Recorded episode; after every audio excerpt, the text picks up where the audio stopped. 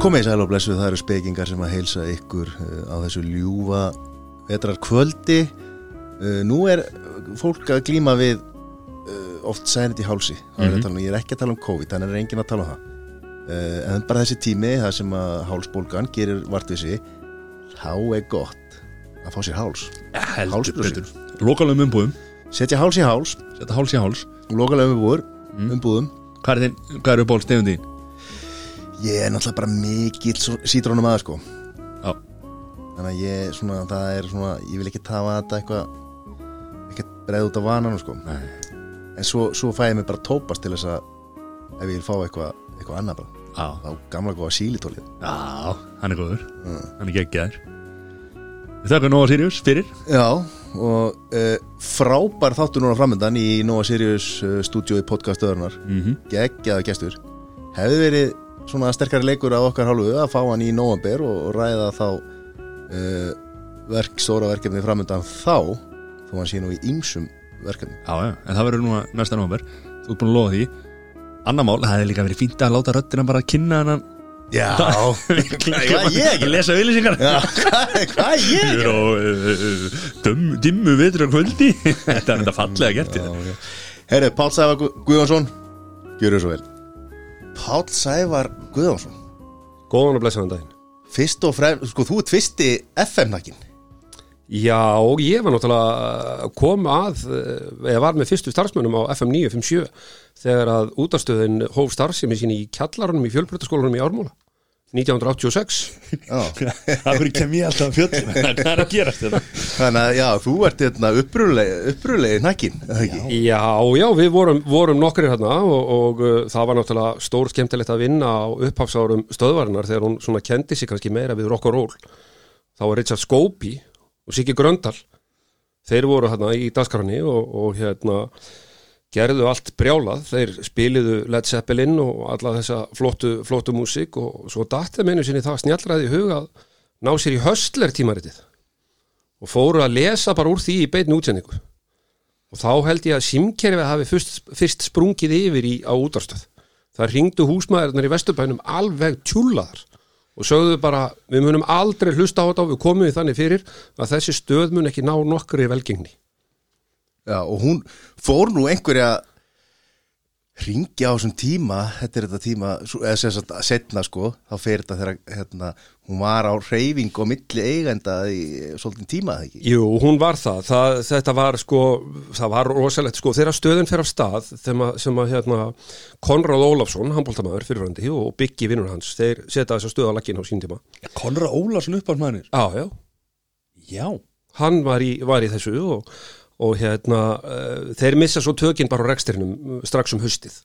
Þá leysi stöðinu upp og, og hérna, uh, Heiðar Ástvaldsson, dansari, sem er nú nýláttinn, hann tók eitthvað yfir á samt einhverjum fleirum, ég man nú ekki alveg hvernig eignarhaldi var á þessu, þá flytur hann upp á, uh, upp í Hamraborg stöðin og uh, þá verður opbóðslugur losarabræður á þessu og, og það er svo ekki fyrir en að uh, Sverri Reyðarsson og Reyðar pappi hans sem átti smiðjukaffi og pitsusmiðuna þegar þeir kaupa reksturinn sem var náttúrulega þetta var ekki að vera að kaupa neitt, þetta var hvorki fugglingi fiskur á þessum tíma, þá flytjaður stöðurinn á smiðjuveg og uh, smiðjuveg 42 og þar var stöðin rifinu upp og gerð að almennilegri útarstöð og uh, gekk á ímsu fyrst til að berja með en, en uh, á skömmum tíma voru helstu fjölmélamenn eða útvarsmenn landsins komnir í vinnu á FM 957 Jón Axel Ólafsson og, og Gulli Helga þeir voru fegnir til þess að rífa þetta upp.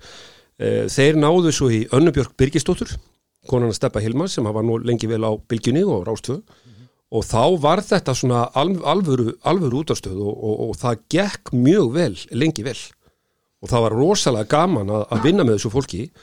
Og ég held að ég hafi sko, maður lærði afskaplega mikið af manni svo Gulli Helga. Gulli Helga er algjör snillingur þegar kemur á fjölmjölum útvarpi. Hann er, hann, er, hann er alveg með þetta, alltaf.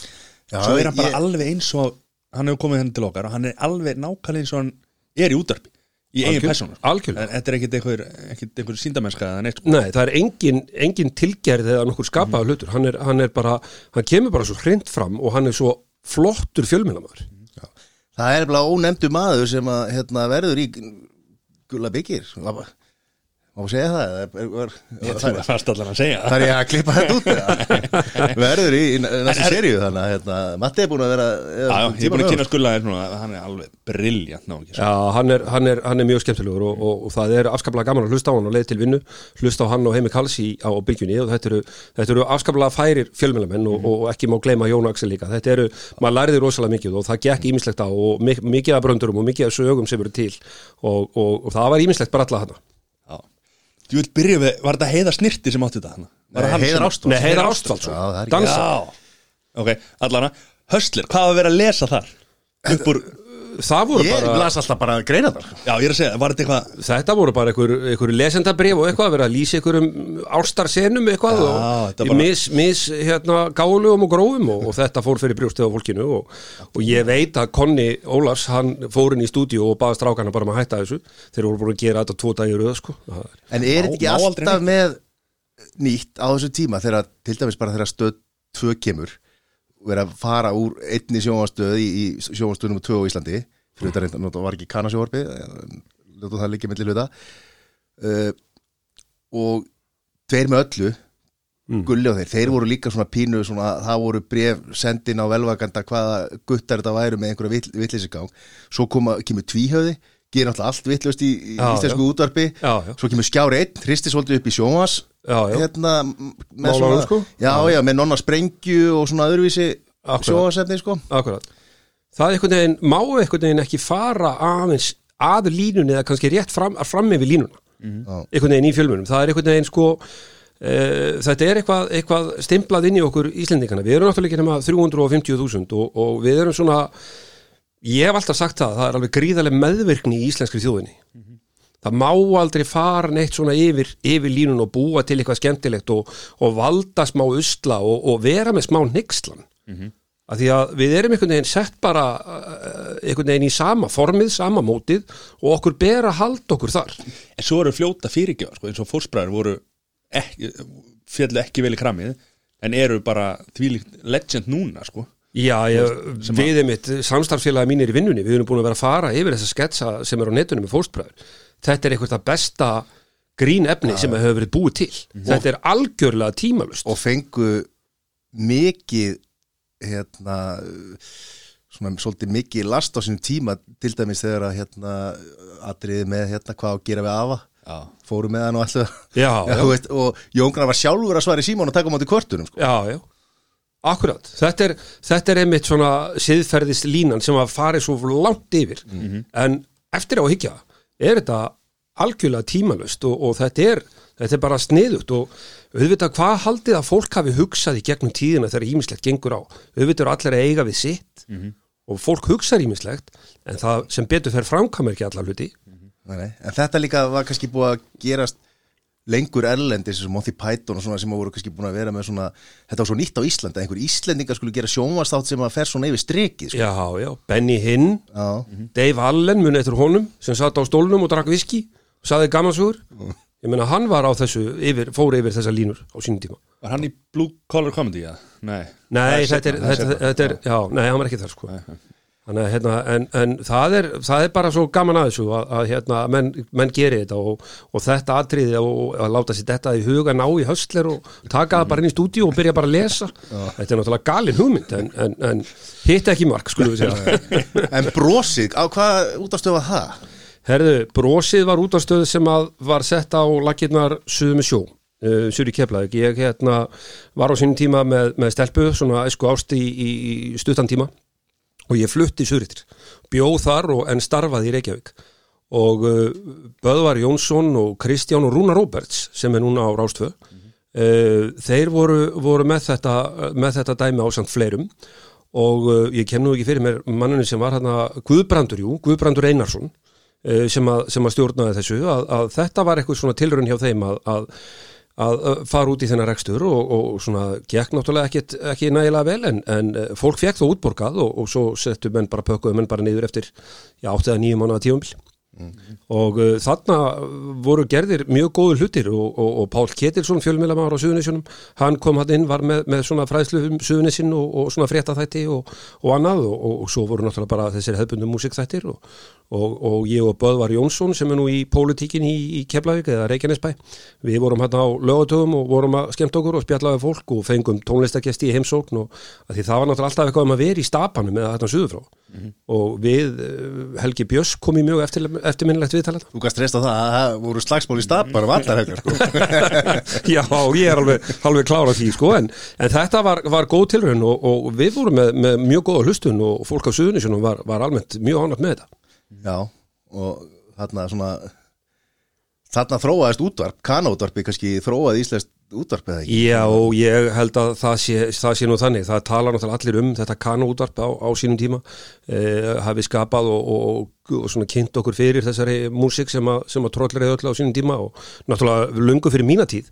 En, en auðvitað er, er mekka útvars á Íslandi er, er þetta suður frá, það held ég að sé alveg óvægt að fullera út af, út af þá bara kanna út á kannaútvarpinu, það er svona mín, mín tilfinning og, og það eru náttúrulega eru mjög góðir, ég meina Pál Ketilsson er búin að starfa í fjölmjölum í, í, í tíu ára og er mjög, mjög skemmtilegu fjölmjölamæður og, og hérna kann sitt fag mjög vel. Þannig að, að hérna, þetta er svona einhvern veginn er í blóðun hann að suður frá. Já, gerð okkur að sko, við erum miklu líkari og höfum alltaf hallast að Ameríku frekar en Evrópu sko. Alltaf verið þannig það er, það er alltaf einhvern veginn litið til, til bandarækjana þegar það kemur á fjölmjölum og, og ég man það þegar maður var að vinna einmitt með, með Gulla og, og, og Jóni og þeim þá var allt sótt til bandarækjana allir, allir hérna, öll stefin og allt saman þetta var tekið upp í Kaliforníu og hérna var, var farið þarna út og, tekið upp alveg með ótrúlegum árangur sko. Gulli náttúrulega flutti á sínum tíma til Los Angeles og var eitthvað að þeita skífum já, já, eh, hérna, í einhverju læri á einhverjum útastöðum. Já, já og svo náttúrulega hann fór náttúrulega fyrst og fremst út til þess að læra leiklistina. Já. hann ætlaði sér að verða, verða stórkall í leiklistinni. Hann fekk nóga fjölmjölum og, og flutti hann út en, en náði ekki gegn því miður en, en hérna en eh, sem betur fyrir fengum við gulla heim aftur til þess að vera með okkur hér í, í fjölmjöluflórunni en þarna ertu sko þú, það, mikrafótur er aldrei, aldrei fjarrri af því að hvenar byrjaru upprunlega hjá körfunni að, uh, að stjórna vellir Það byrjar, hvað á að segja, 1986-7 bara um þetta leiti sem FM 957 fyrir loftið. Eh, Bróður minn er þá formaður Körugnæsdeldar Káir og uh, það var verið að taka þetta svona, verið að byrja að þróa eitthvað svona að búa til eitthvað meiri stemningu og, og ég tek að mér að, vera á, á mikrofónunum hjá Köruboltanum í Káir og það svona, já, hefur einhvern veginn verið bara viðlóðandi síðan og, og, og þetta svona bara vatt upp á sig og svo bygguðu bara til meir og meiri stemningu og, og, og gerði þetta, ég alltaf að passa mig á því að vinna þetta með fólkinu sem er að spila fyrir félagið. Að hvernig við um að hafa, hafa hlutina og annað þess þar og, og þetta hófst svona alvöru, vil ég segja svona 86-7 eitthvað svo leiðis og síðan á hérna, fyrir fótboltan uh, í KR frá upp úr 90 Já, það er nefnilega gaman og skildi nefna þetta ártali mitt að, að hérna Káeringandi verða Íslandsmeistar í Köruboltanum út á Seldetanesi 1990 og uh, þá hefði verið stígandi í, í svona áarundafjölda og, og orði alveg svakalega góð stemning. Og það voru margir sem að, að þökkuðu mér þennan titil vegna þess að ég þótti bara að vera að spila skemmtilega músík og, og búi til góða stemningu og hvart áhörundu til þess að hvetja liðið og svo framvegis og uh, Palli Kolbens uh, þá er þetta leikmaður kom til mín og, og rósaði mig vel fyrir þetta allt saman. Svo þegar káringar eru búin að fá titilin afhendan út á Seltjarnanesi og allir á leiðinni vestur á Rauðaljón til þess að fagna titlinum sem er hann einhverjum örfáum metrum að því að við spilum út á káringandi spilu út á Seltjarnanesi þá kemur Stefán Haraldsson þá er hann til formaður knaspundildar káir hleypur til mín og segir bara Palli, þetta var svo flott hjá þér hérna í vetur, það búið að vera svo gaman á körubóltaleikunum nú ætlað þú að koma og vera kynir hjá okkur á fótboltanum að því að þú ert maðurinn sem kemur með titlana. Ég var tvítur og ég gleymi þessu aldrei. Ég, sko þegar ég hugsaði að þú voru að segja ykkur þetta hérna þá rifjaði það bara upp þegar ég stend inn á miðju gólfin út á Seltjarnesi og hann svona, hann knúsar mig bara eins og, eins og bara góðan fjölskyldu, fjölskyldu en hann var svo ánæði með þetta og bara þú verður að gera þetta fyrir okkur. Og ég sagði bara já Titlandi komum og titlandi kom á færibandi. Og, og, og eins og alltaf að fara á félagsefili félagsheimili í Káir, Rauða Ljónið. Já, já, það var alltaf, það var einhvern veginn alltaf, alltaf lenskan eftir, eftir þess að leiki alltaf í köruboltanum alltaf að fara, fara út á Rauða Ljón og Átni Björnsson sem átti þá Rauða Ljónið, hann hafði svo gaman á köruboltanum að hann gaf alltaf leikmennum í körfunni mat og það var bara regla, það var einn öl eftir leiki, það var ekki meira og menn heldu því alveg. Það, Laszlo Nemi þávarandi þjálfari hann held alveg þessar línu með einni, tveimur undantekningum. Mm. skiljið, þannig að Ég meina, það er líka allt í lægi, ég meina, í þýska boltanmann, menn er að fá sér einn, einn öl, sko, já, já, það er einu, Já, já, svo leið að menn fara að hendi í ég sig, það á, á sko síðustu 10-15 árum þá þótti bara algjör, algjör, algjör mannréttindi að að það væri bjórkælarinn í klefa hjá liðunum sko. það, það voru allir konum með hérna, kælinn í klefa, ég veit ekki hvort það sé það ennþá, en, en það var svoleiðis á tíðanbili hjá öllum Já, þetta er náttúrulega, hjá, hjá þessum þjóðum er þetta náttúrulega bara partur af menningunni og, og, og þeir náttúrulega, sem betur fyrir menn farið að kunna að fara með þetta og, og, þú veist, það bitna það kemur þá bara niður á hverjum og einum fyrir sig ef að menn haga sér ekki í, í þessu eins og öllu öðru Aha, já, bara eitt sem að mátti spila kendur Já. en reyndar, það var hérna Gaskóin og svo náttúrulega Maradona Tóni Adams var líka. Tóni Adams, hann var nú, hann var nú ansi, ansi léttur á þessu og, og ég, ef þið hafði ekki lesið æfisugunars Tóni Adams, þá ætti að lesa hana. Hún er, hún er rosaleg, sko. Ertu Arsenal-maður? eða? Nei, ég er ekki arsenalmaður. Ég, hérna, það er góður félagi minn sem er hérna AA-maður Já. sem átti vandræði með þetta. Hann hérna gaf mér bókina á sínum tíma um Tony Adams. Já. og hérna saði mér að lesa hann og ég bara sökti mér onni hérna og sögurnar þar eru, þar eru fáránlegar Ein sagan sem ég gleymi aldrei að því við erum svona farið að ræða um þessa hluti. Tony Adams fyrirliðilisins hann mætti alltaf fyrstur manna. Og það var allir bara, wow, Tony Adams sem mætti hann? Er alltaf komin hérna klukkutíma, einum og hálfum tíma fyrir allar æfingar. Ástæðan var svo hann var með mann í, í, í lækna teiminu, eða sjúkrarlega teiminu eða hvað við höfum að kalla það. Vafðan með brettaplasti alveg bara þétt vafðan svo fór hann út að hlaupa bara til þess að taka úr sér hrollin frá jamminu kvöldin áður Já, ekki til þess að hérna, ekki til þess að, að, að vera bara fyrirmynd sko. já, og ekki Hann- til þess að líka sko að, að svitna, býtu, hvaða erlendi leikmaður sem var held í grind eða eitthvað sem að hljópa alltaf í svörtu ruslabóka sko Til Já, þess að- ok. Til þess að hérna, Svitna meira svitna meira Já, sko, ok, ok. andar ekki og svona til þess að koma sér í form sko, fræðu fyrir alltaf í svörtu ruslabóka hlaupandi. Væntalega plastara með byggingarplasti Þetta er sama, þetta er sama hérna, koncept sko, en maður kannski er verið að hlaupa í Já, hann náttúrulega bara, og hann gerði þetta og þetta var bara daglegt brauð hjá hann mæta bara, þú veist, eftir, eftir æfingar eða þegar uh, æfingarna voru púnar þá fór hann bara á næsta bar og bara sturtaði í sig. Og svo eitt skipti sem að, sem að hérna, Arsenal var að spila, ég man eh, hann, Arsenal vinnur hann að leika, þetta var eitthvað stóru leikur og fyrsta sem hann gerir þannig búinn, þá hleypur hann á Hyperi yfir á barinn sem er hægt á móti. Þar tekur hann 6-7 bjóra og daginn eftir átt hann að fara með landsliðinu til Singapur, breska landsliðinu. Uh, hann, þegar hann er búinn hérna inn inn á barnum, fer hann upp í bíl keirir heim, lendir í árekstri keirir inn í einhvern garð og einhvern maður að grilla einhvern mat hann og hann eðilaði grindverkið og, og slasaði mannin og grillið fór alveg í spað og eitthvað og Tony Adams við hann, herðu, ég, ég bara er að fara til útlanda og svo kem ég bara til þín og við göngum frá þessu þegar ég kem heim. Þú bara treystir mig fyrir því, ekkert mál, maður er náttúrulega upp með sér að, að Tony Adams var komin hann í garð svona á, á vondum já, já, herðu, svo hérna mætir hann út á flugvöll uh, morgunin eftir, tilbúin í, í, í ferðalæð, algjörlega á herðablöðunum sko, bara út úr drykkin og hann er tekið niður og, og bara sestu hér og þetta verður ekki rætt bara fyrir hann að rennur að þeir uh, þeir fara þess að ferð og allt í góðu og, og blessaðist allt sem betur fyrr nema einhverjum vikum setna þá fara hann bref frá lögfræðingi það sem var verið að minna hann á slísið og að gera upp málið þegar hann ókin í garðin hjá manninu hann mundið þetta ekki. Já. þetta var uppafið því og Tony Adams fór að hugsa sinn gang til þess að verða edru þetta eru sögurnar af þessum gæðum eru, eru ótrúlega sko. Og það fullt af svona sögum í bókinu og, og ég bara, þegar ég lagði bókina frá mér ég var algjörlega orðlus yfir þessari, bara ég skildi ekki hvernig þessi maður sem ég leit alltaf til, þú ég segi ekki Arsenal maður, þessi mikla fyrirmynd og þessi flotti íþróttamaður að hann skildi vera í svona rosalegum vandræðum með áfengið.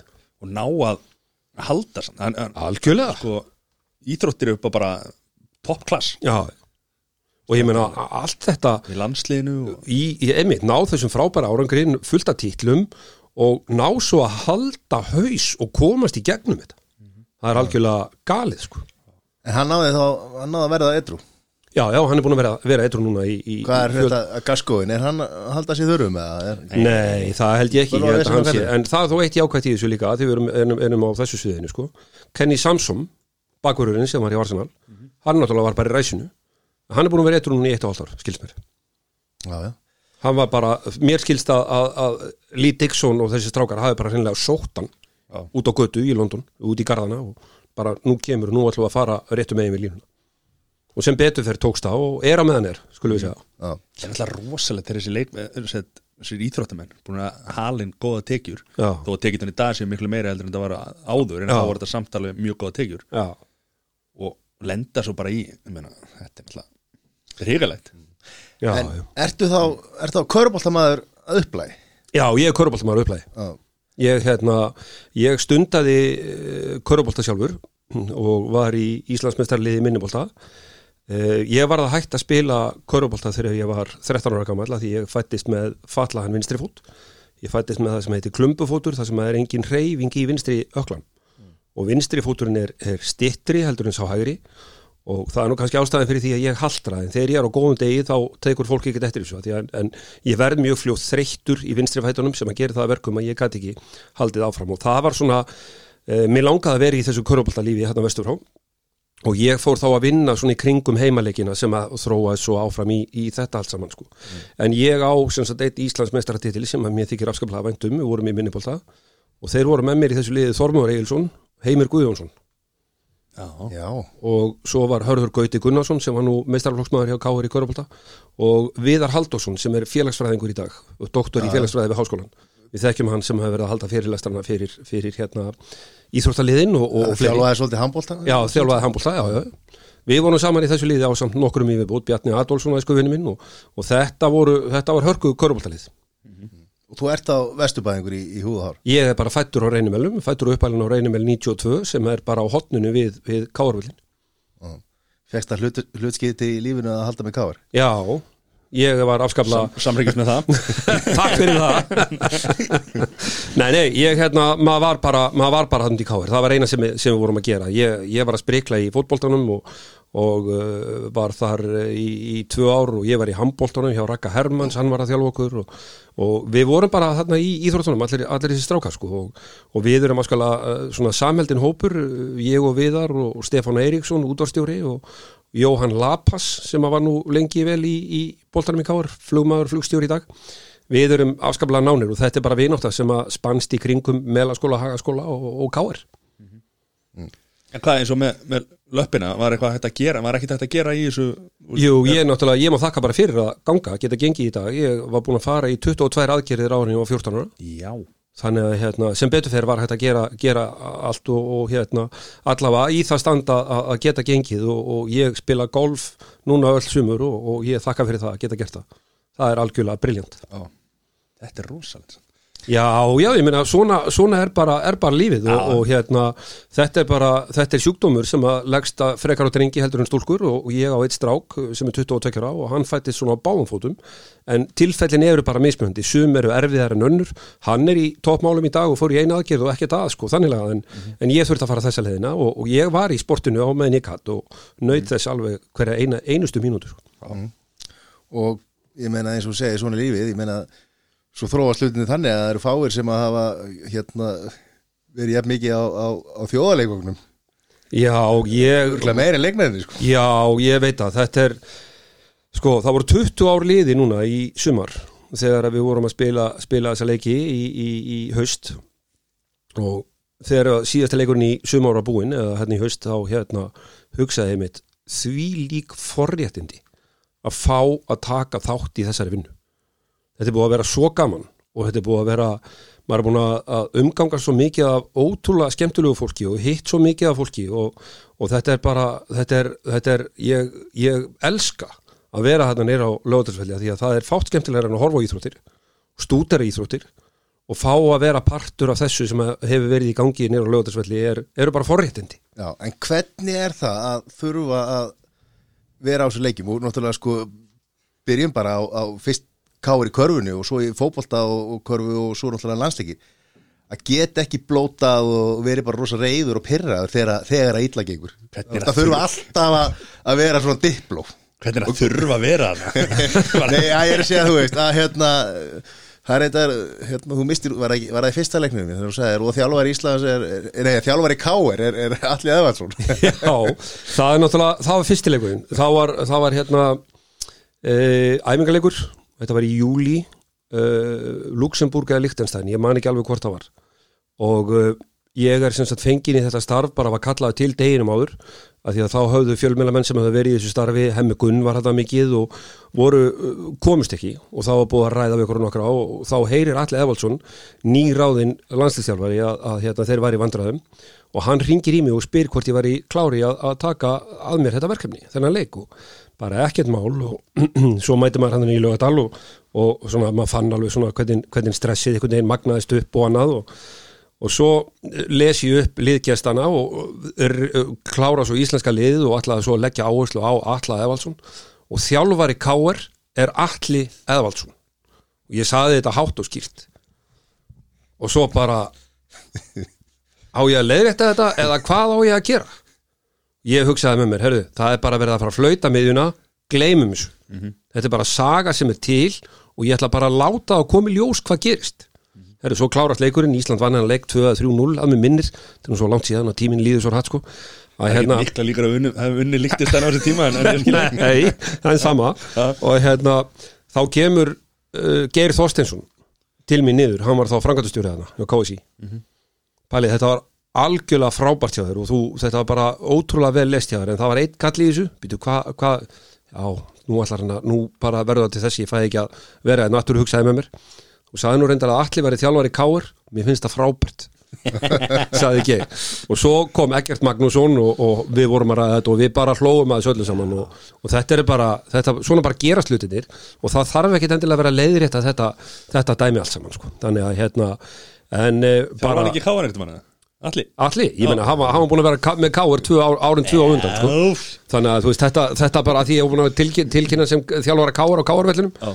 skiljið allan að tíma, þannig að þú veist, þetta kom bara þetta En Kom, kom það bara næsta gig bara strax eftir þess eða varstu þá bara Nei, nei, svo bara hjælt þetta bara áfram að því að þeir, þeir voru svo ánæði með mig bara, þetta gekk bara vel og ég var svo jákvæður að taka svona vel í þetta og þá bara, ok, þú tekur bara næsta leik og svo hefur þetta bara verið síðan. og þetta er hefð, hann segir alltaf þjálfari Káir er Já, þetta kemur alltaf. hva, ertu, ertu niður við hliðalínu eða?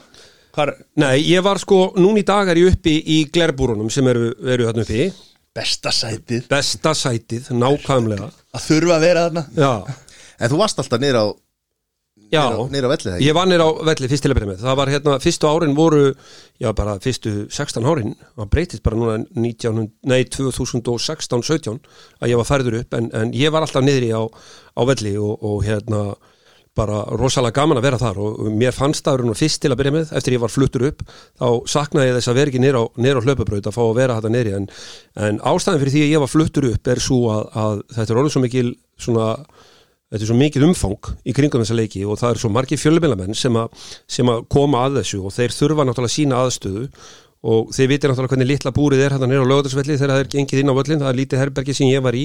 Það er búið að leggja það bara undir tölvuvinnslu og, og annað þess og þar fyrir fjölmilamenn og dómara og, og, og, og, og svona. Þannig að hérna Það er orðið að varherbygginu Það er orðið að varherbygginu Nei, þannig að hérna, það var ástæðan fyrir því að ég fór upp. Það er bara því að það var ekki pláss fyrir mig hérna niðri en það voru margar, margar góðar sögurnar og ímislegt sem að, sem að hérna, svona, maður mann eftir þegar maður var hérna niðri og sérstaklega þegar að stóru þjóðunar voru að koma. Hollendingar, þjóðverjar eh, svíjarnir Danið en einu sinni, ég gleymi því aldrei þegar, þegar ég, að ég mátti náttúrulega vera á vappi hérna alveg niðri, var bara með minn passa og, og bara gætt farið, þurfti, ef ég þurfti að fara á salerni, þá þurfti ég að fara þar inn og annað. Og ég var að lappa gangin inn að búningsklefanum. Og kemur Pítur Smækkel á móti mér Bergurinn hana, litli, litli Já. kallinn hana. Ég lappaði á hann skiljið, ég var eitthvað leit bara eitthvað til liðar og það var eitthvað, það var verið að kalla það var eitthvað, eitthvað skarkali fyrir aftan mig. Þannig ég sný höfðunu frá sem sagt ganginum og á blá hotnunu mætust við ég og Petter Smækkel og ég gengi brjóskassan á hann og ég er hávaksin maður, Ég ætla 1.93 ég að segja, þú ert ekki lágvaksinn maður. Nei, ég get sagt ykkur það mér fannst, hann var allur hvítur. Það var búningur og eitthvað smá rautt í þessu eins og, og litir í danska búningnum. Ég get sagt ykkur það ég lappaði á vegg og svo hlófum við bara og ég sagði bara fyrirgefðu og ekkert mál og, og við hlófum bara og tókumst í hendur og allt í góðu sko. Og hérna þetta var einhvern veginn, ég áttaði mig á því þá hvað slags óbóðslegur íþróttamæður þessi drengur er. Það var sko að ég lappaði ekki þannig að mótunum Ég skallaði hann í pungin maður. Þú lappaði gennum hróðan Það er Davindir að tapa Nei, og svo eru, svo eru fleiri atriði sem að hérna eru ansi, ansi skemmtilegi í þessu öllu saman þegar Portugalatni komu. uh, Cristiano Ronaldo Raúl Meireles og, og, og þessi og, og, og hérna hann uh, Nani og Nani og þessi strákar sko. Það komu Var ekki Bruno Fernandes hana Geta það ekki verið? Já, ég bara manna það ekki ég, En allavega, það er sem sagt sko Tveimur dögum fyrir leik Þá koma tveir lífverðir Frá Ronaldo. Og þeir labba alla stúkuna Og aðtöða hvort öll sætin sé ekki Föst nýri Nei. Jú. Það var farið yfir hvert einasta atriði þar sem er verið að passa upp á allt sé bara eins og það á að vera. Og Ætli hann sé að borga þetta eða, eða portugalska landsliðið ég veit ekki, það er allavega nema hvortvekja Já, síðan þannig að hérna, og þeir fóru yfir þetta allt saman. Og, og svo var ég kallar á fund deginum áður uh, fara yfir svona nokkur öryggismáli eða hvað skildi gerast að því að, að hann var hann inn á vellinum og svo á leikti þá kem ég bara á minni, minni rútunni tveimur og hálfu, þreimur tímum fyrir leik. Mér finnst alltaf gott að vera komin tímalega og, og hérna svona fá mig kaffi og, og spá aðeins í spilin og undirbúa mig og svona. Og þá kallar hann okkur öryggis eh, sagt, eh, verðina sem voru niður á vellinum og segir við okkur að, að Cristiano Ronaldo að hann ætla bara að hita upp inni. Það var búin til smá aðstæða hann nýri Baldursaga, þar sem hann var með þrekkjól og, og eitthvað fleira sko. En sagði svo að eftir leik þá ætlar hann að vera hérna í göngunum og það má byggja hann um eigindarorðinir og hann velur bara úr því hvað hann gerir. Og svo byggðum við bara, leikurinn kláraðist og, og þetta var hérna, Ronaldo var góður í eins og leik og ég fer svo niður á gang og ég fæ sonans Friðriks uh, Jónssonar sem er sjúkræðþjálfur í landsleginu til mín sem var þá held í tíu ára gammal og uh, byggðum við um að taka við honum til þess að hitta á Ronaldo og fá einandarorðin og ég náttúrulega vissi nákvæmlega að veist, þeir eru náttúrulega alltaf í, uh, gestir eru alltaf í sama klefanum og, og ég beið bara fyrir utan dinnar og svo kemur fyrstur út úr klefanum kemur Nani. Og strákunum þessi sem ég mann ekki hvað heitir hann held á fótboltamyndum. Það er náttúrulega svo vinsalt hjá þessum börnum að safna þessum fótboltamyndum. Og ég spyr Nani að því væru til í að skrifa á myndina fyrir strákin hann var svo pyrraður að því að hann var tekin út af leiknum og spilaði eitthvað lítið og annað. Hann tók okkur og ítti með höndinni, annari höndinni í brjóskassan á drengnum það harkalega að hann skall með hnakkan í vegnum Nei. og hann grætti strákin og ég kallaði á eftir hann bara þetta er ljótt. Ég, man, ég, man, ég saði eitthvað svona kallaði eitthvað á hann og hann snýri sig við og, og gaf mér eitthvað, eitthvað merki og hann að það stór og strákurinn hágrétt stuttu setna kemur Ronaldo bara eitthvað um tíu sekundum og, og tárin hjá drengnum ekki orðin þurr sko. Þá kemur Ronaldo og sá hann grátandi og tók utanum og spurði hvort það væri ekki allt í lagi og þeir töluðu saman í svona mínútu. Hann reyndi að gera svona og ég var svona túlkur á milli og annað og, og við tókum þessa frábæru myndir og, og hérna hann skrifaði á spjaldið og svo gaf hann honum sokk sem hann spilaði. Hann fór inn í klefa og náði í skilur við það því að það var búið að ganga frá búningunum. Þannig að hann gaf honum eitthvað, eitthvað dót. Ég minnir að það hafi verið sokkur eða eitthvað, eitthvað fyrirlega eða eitthvað bandið, ég man ekki alveg hvað það var sko. og þarna sá ég munin á þessum gæjum hvað þeir geta verið mismunandi og það kom mér svo óvart hvað Ronaldo var ótrúlega góður og síndi öllum, hann gaf nú ekki mörgum einandararötun en hann síndi öllum sem voru á svæðinu svo mikla virðingu og hann var svo auðmjúkur og það er kannski ástæðan fyrir því hvað hann hefur náð langt í þessu íþróttum. En samt hefur hann alltaf fengið bad boy stimpilin Messi, Ronaldo og, og margir þólangi sko, en Já. hann ég, var að lesa núna bara í dag frétt frá einhverju gæðar sem er í Juventus núna sem var í Barcelona, Já. veit ekki alveg hvað hann heitir. Já, hann var að tala um munin á Ronaldo og Messi. Já, Ronaldo gæfi sig alltaf á tal inn í klefa og væri að tala við liðsfélagana. Já. meðan Messi er ekki þannig en hann sýnir leitu að hæfileika og, og snilli á já.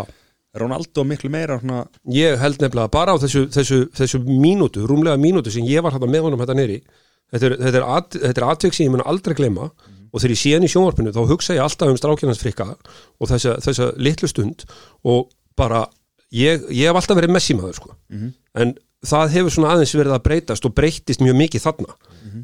Að því að það eru enga myndalur en eitt og Nei. engi vitti sem að hann er alltaf geta, þú veist, neitt, þú veist það hefur verið rosa auðvelt að labba bara framhjá.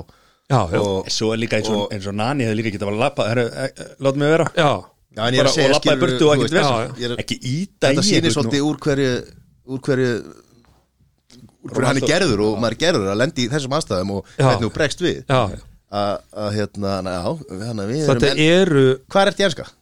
ég er liðupólmaður Herra við þakkum þeim fyrir komuna. Það er að skemma þetta.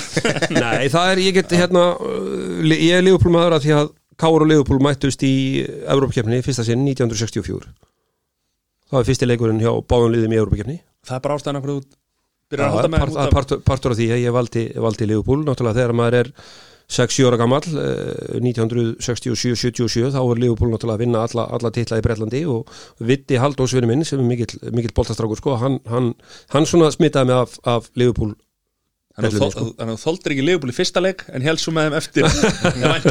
Já, ég meina, ég kannski var ekkert sko, maður náttúrulega sá bara ennsku knaspinnur á lögatöfum í sjónvarpinu hjá Bjarnar Fel sko, viku gamli leikir og það allt saman sko.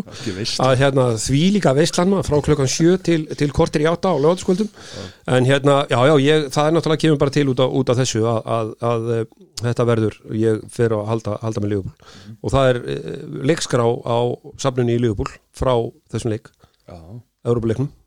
og ég fór uh, 1994, þá voru 30 ár liðin þá fórum við nokkrir káringar sem að stundum pílukast vestur í káir fórum við pílagreinsverð til, til Anfield og þar var tekið á mót okkur með, með kostum og kynjum og við fengum að hitta allar þessar, allar þessar stjörnur og eftir leik fór sáum Liverpool Tottenham 1-1, Robbie Fowler og Jörgen Klinsmann skoruðu mörkin.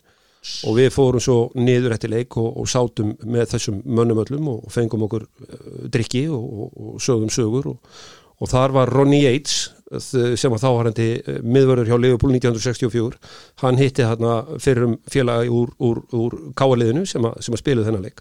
Já, ok. Og það var eins og þessi menn hefði verið að hittast bara og verið vinir alla sína tíð.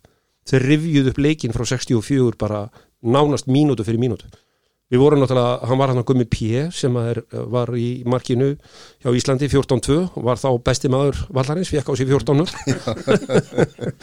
og hérna og, og Þorgir Guðmundsson sem var þá líka í, í vördinni hjá Káar og Þórður Jónsson og, og, og Svenni Jóns formaður og Kristín Jónsson formaður Káar og þetta var alveg legendary ferð og uh, það var fyrsta ferðin mín af mörgum á Anfield og, og alveg hrikalega, hrikalega gaman sko. Já, já, þannig að hérna þú það er ástæða til þess að gleðjast í, í sumar. Heldur betur. Heldur betur, en það er náttúrulega við káaringar við þekkjum eðummerku göngur. Þannig að þólinn maður er digð, það lærði, ég- lærði ég káar það er nú aldrei samt verið svona langar. Nei, ég reyndar ekki, ekki það voru allt og, þetta var allt og langu tími milli, milli titla hjá Liverpool. Það verður að segjast eins og er. En uh, ég samt sko ég fekk aldrei svara spurningunum minni sko hvernig þér líður í maganum og hvernig þú síðan þarft að þú veist, halda vera rólegur og, og Yfirvegaður yfirvega er náttúrulega hérna, og, og, og sinna starfinu.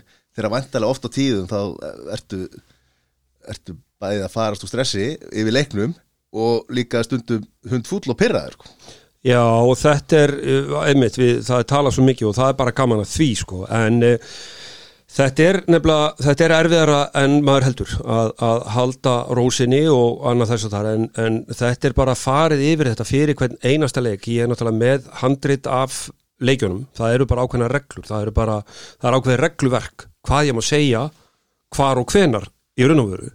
Ég má til dæmis ekki segja neitt þegar leikur er í gangi, en þegar ég byrja að kynna liðin og er, er verið að opna, opna dagskarana það eru komin 7-8 ást manns á, á völlin og, og, og þá er ég búin að gera þjóðsöngvana klára og, og, og ferða lók núna með, með óni valdamissinu og þegar að það fyrir í gang, það lag rétt ára að liðin komin á þá koma svona auka slög og þá segi ég bara við sjálf mig Palli, verður rólegur verður yfirvegaður og gerðu þetta eins vel og þú hefur verið að gera þetta. Og ekki láta neitt trubla þig og þannig fer ég gegnum mína rútínu. Svo þegar leikurinn er í gangi þegar öll þessi atvik er að gerast og mörg dæmd af og ykkur er fá spjöld og annað þess og þar þá að því ég er náttúrulega er í glerbúrinu hann uppi ég var aðeins viltari þegar ég var nýra á hlaupabraut það sem að gatt svona verið í kringum að því þar eru allir öskrandi og dómari þetta og dómari hitt og, og annað þess og þar sko.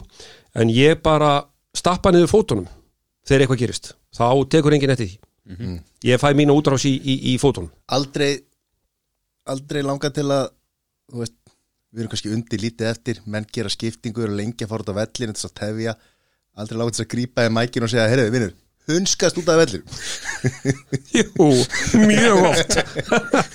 Það er bara það er bara svolítið þannig sko og, og menn eru, menn eru náttúrulega ennþá að býða eftir einhver svona mikrofónslísum að við erum eitthvað að tala saman upp í búri blótandi og annað þess að, að það leki út í, út í kerfið sko en, en auðvitað er þetta þannig og, og menn hafa verið þetta frá KSI hafa setið með mér þetta upp og hort á leikina og, og sagt þeim um Palli opnaði fyrir mikrofónun og séðu mannunum að hunska sér út af. Við þurfum að láta tíman ganga sko. Þannig að hérna, það, hefur, það er alveg, alveg þannig sko og það eru fullt af svoleiðis atvikum en, en einhvern veginn nærmar að halda, halda kúlunni sem betur fyrr. Já, af því að það er nefnilega það, blóðir ennur hans er hrætt í þér eins og þú veist, þeirra menn hérna, þú veist, ef það er nýju pílu, pílu leikur og eða, eða menn eiga auðvelt útskot eftir og er að klúra því sko, að Já, getur látið heyra þess í þér. Já, já, ég, ég get það alveg og ég náttúrulega er, er mikill keppnismadur það fer ekkert á milli mála og, og hérna en, en það er bara það er svo mikið undir þegar maður er hérna á lögatarsvelli það eru, það eru stóru augun hjá Júfa eða FIFA er að horfa á KSI og framkvæmt leiksins ef eitthvað gerist. Ég hef verið sektaður eða knaspinu samband Íslands hefur verið sektaður um 250.000 krónur út á mér. Ég sagði í einhverjum landsleiknum þegar leikunum var í gangi áfram Ísland. Já, og þá, það var bara sagt. Það var bara sagt 250.000 og þetta var á upphafsárunum mínum hann í lögadal, kannski búin að vera þær í 2-3 ára eitthvað leis og hérna þá var fariðið mitt betur yfir það hvað ég má skera segja þá og þegar. Og, og ég hef til dæmis verið að horfa þegar ég er að horfa á, maður er svo bilað þegar maður er að horfa á landsleiki auðvitað úr heimi, Þískalandan, mörg eða ykkur leiki sem að fara fram í Evrópu þá er ég alltaf að fylgjast með umhverfisljóðinu og aðtóa hvort að þölurinn séu eitthvað að fara fram úr sér sko, sem er á, á viðkomandi velli og uh, þeir hafa stundu verið að gera það eitthvað verið að röfla og, og hvetja og meðan að leikurinn er í gangi. Ég hef bara aldrei gert neitt í því að, að gera aðdóð sem þeir nýri í KSI að því að það bara ábyggla kóðuna niður í, í uh, skriffinskunni hjá, hjá Júfa og FIFA ég, ég get ég ímynda mér allavega. En eins og þú ert að tala um reglugjara utan um leikin er það þá Júfa og FIFA sem að Já, til já, Júfa er, er, er þegar, þegar við erum að spila í Európa-kefni þá er náttúrulega Júfa og ef það er HM þá er það FIFA og þetta eru, þetta eru bara rosalega mikla reglur sem að, sem að þarf að fara eftir og, það þarf að koma öllum upplýsingum og í raun og veru eigum að koma meiri upplýsingum til, til áhörönda en við náttúrulega búum á Íslandi og, og samgöngur eru bara eins og það eru skilur að, að, að til dæmis uh, þegar ég var út í Fraklandi þá var að vinna á Európa-móturu þá hérna fórum við betur yfir það hvaða leiðir ef að fólk er að fara þangað þá fárum við þennan ganga því það er lestin og svo framvegis, það var alveg 15 mínúna rulla eftir leik sko. Já, Já, það er hérna. Já, það er, það er inn í þessu en, en við hér heima notum það ekki. Drullega bara út, það er Já, Það er upp á ölver, það er Það er, er, er eitthvað að vera. Það er í strætó Það er ekki- Nei, þetta, hlýtur að hafa breyst rosa mikið bæði regluverki í kringum þetta og líka bara hvenar, hvenar kemur nýja stúkan á lögðarsalli Uh, er það ekki eitthvað tímann í kringum 2007-2008 Já, þannig að þegar þú ert að byrja þá er bara ein stúka, stúka. Sko. Já, já, og svo kemur ný stúka já, já. og Hvernig verður þessu lokað? samt löngu orðið úr eld sko Já, já, þetta er, Þetta er skoðan að því, nýjum lögðarsalli Já, ég meina, ég bara, ég skil bara okkur er ekki búið að fara í þetta verkefni miklu, miklu fyrr og sumu sögum að segja um lögutarsöllina ég, ég bara átta mig ekki á því að því að, að strákæður okkar og, þá, og stelputur okkar þá er ég að tala bara um íþrótta landsliðin handbólta, fótbólta og körfubólta þar sem að, sem að hafa gefið okkur svo mikið, strákæðin í körfubóltanum stelpunar í körfubóltanum og handbóltanum og talunum í fótbóltanum á síðast ári að hérna, það eiga allir stuðning íslensku þjóðarinnar skilið. Og svo eru stjórnmálamenn. Þeir eru að koma hana inn og eru alveg að dásama strákana og þetta er búið að vera svo gaman og þeir eru svo flottir og, og stelpurna líka og þetta gengur svo vel.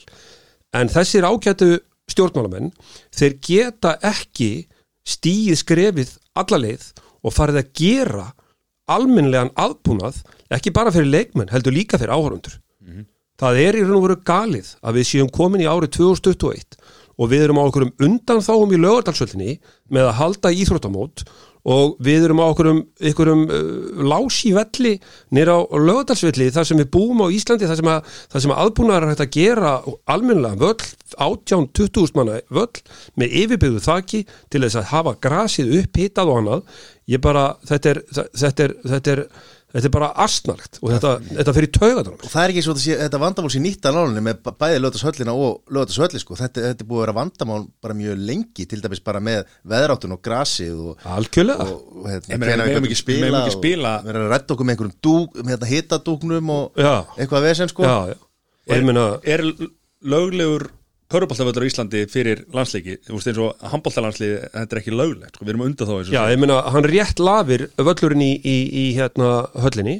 Í, í körfunni eða? Í körfunni. Af því- að völlurinn er aðeins minni heldur Já, og og hann, að því að hann tekur minna gólplás heldur en handbólta en það sem að skiptir máli eru öryggisvæðin að kringum völlin, það er að segja ef að leikmenn er að skutla sér eftir boltum og annað þess að Það er bara skilt í hann Já, já, og ég meina, ef þið sjáu bara að horfið á útsendingu frá Ólafshöllinni sem er höllin hjá Haugum inn í Hafnafyrði flötunni þar er stærri og þar er allt, þar er allt upp á tíu, sko, Ásvellir. Ásvellir. Já, já. Ég meina, Þannig að- Portugalsleikur fór þar fram ekki? Jú, hann fór þar fram.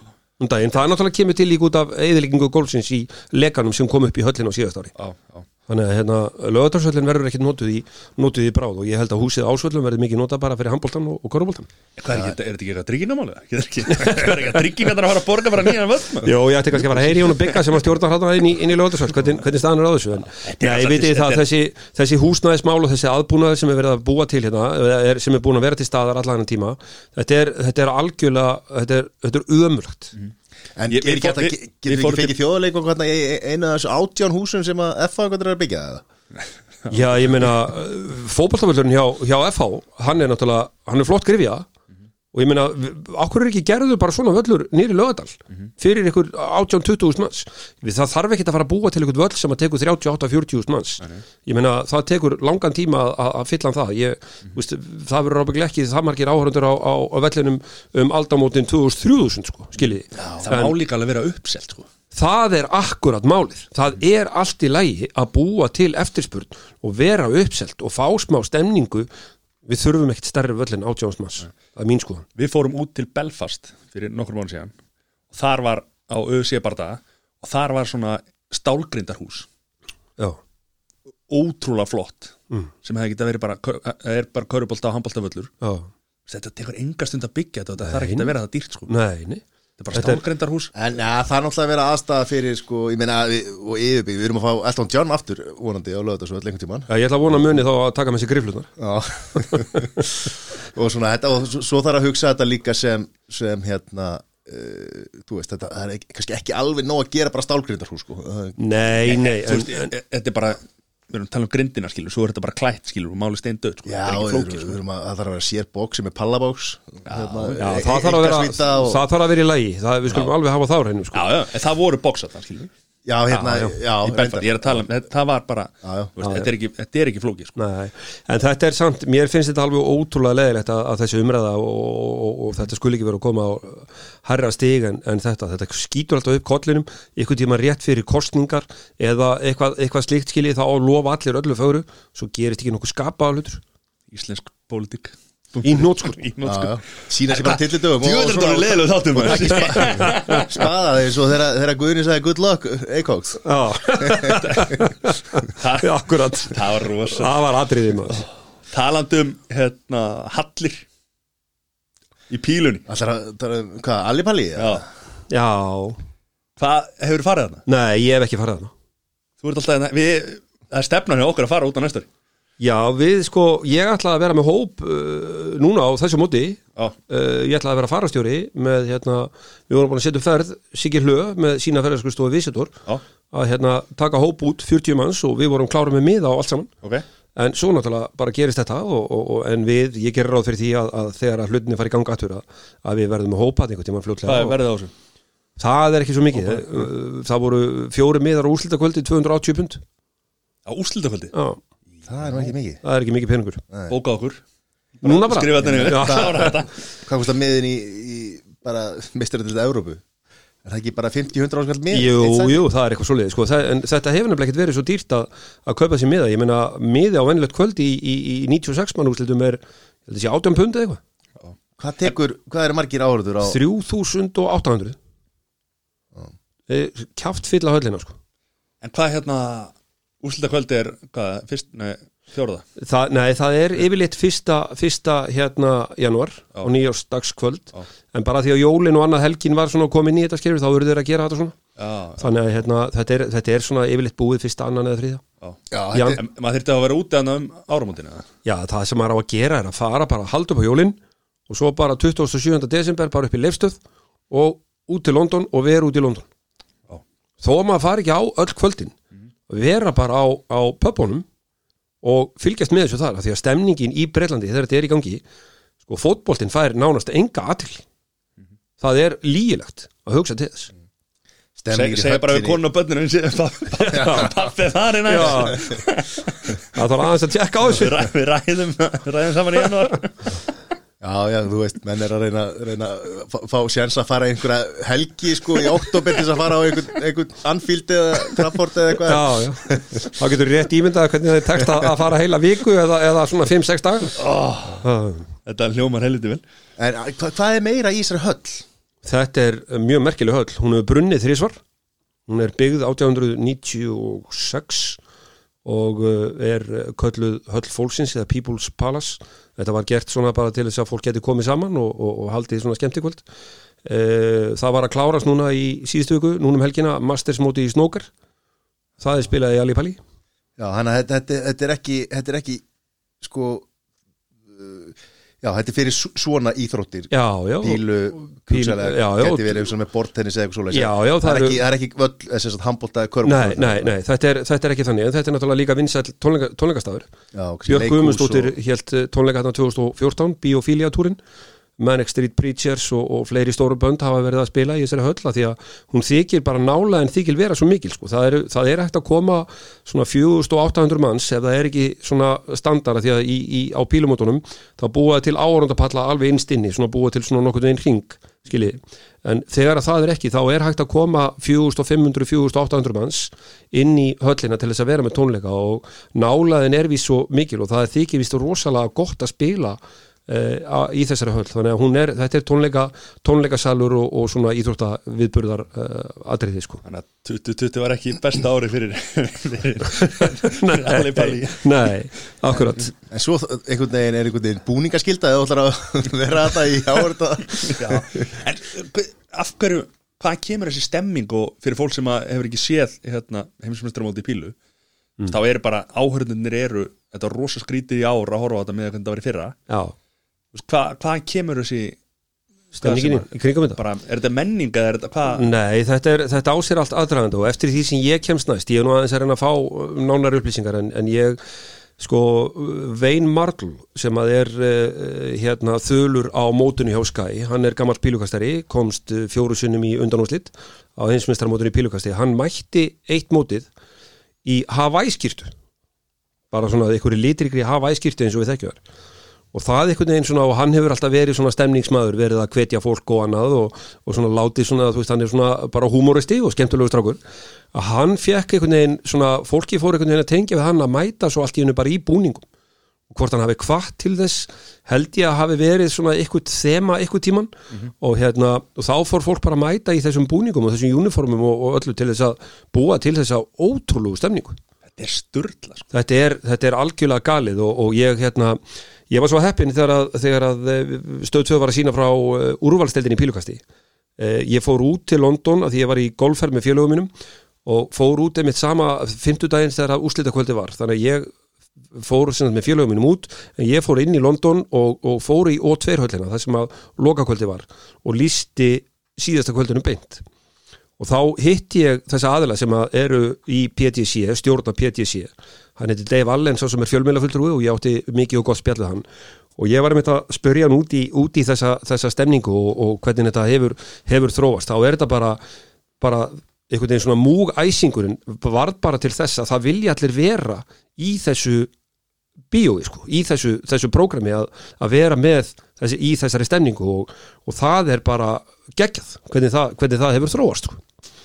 Og einn að fáum svona íþróttaviðburun sem að sem að hérna áhörundur eru mega verið með bjórglasin í sal sko sem er náttúrulega alveg bannað á öllu fótboltaleikjum sko í Breitlandi en þarna eru er ekki allir með, með stígvélið og allt Jú, í það er allt, og... allt hann í gangi sko. það er náttúrulega, það er bara stemningin er einhvern veginn, er einhvern veginn þannig. Ég, ég þekki nú einhverja sem hafa farið þann út og voru þann úti síðast þegar áhörundar voru þannig í fyrra að, að hérna, þar er bara þetta er svo, fyrirkomulega er svo snið þú kemur bara inn í höllina og það eru menn sem er að selja svona tokens eða svona peninga.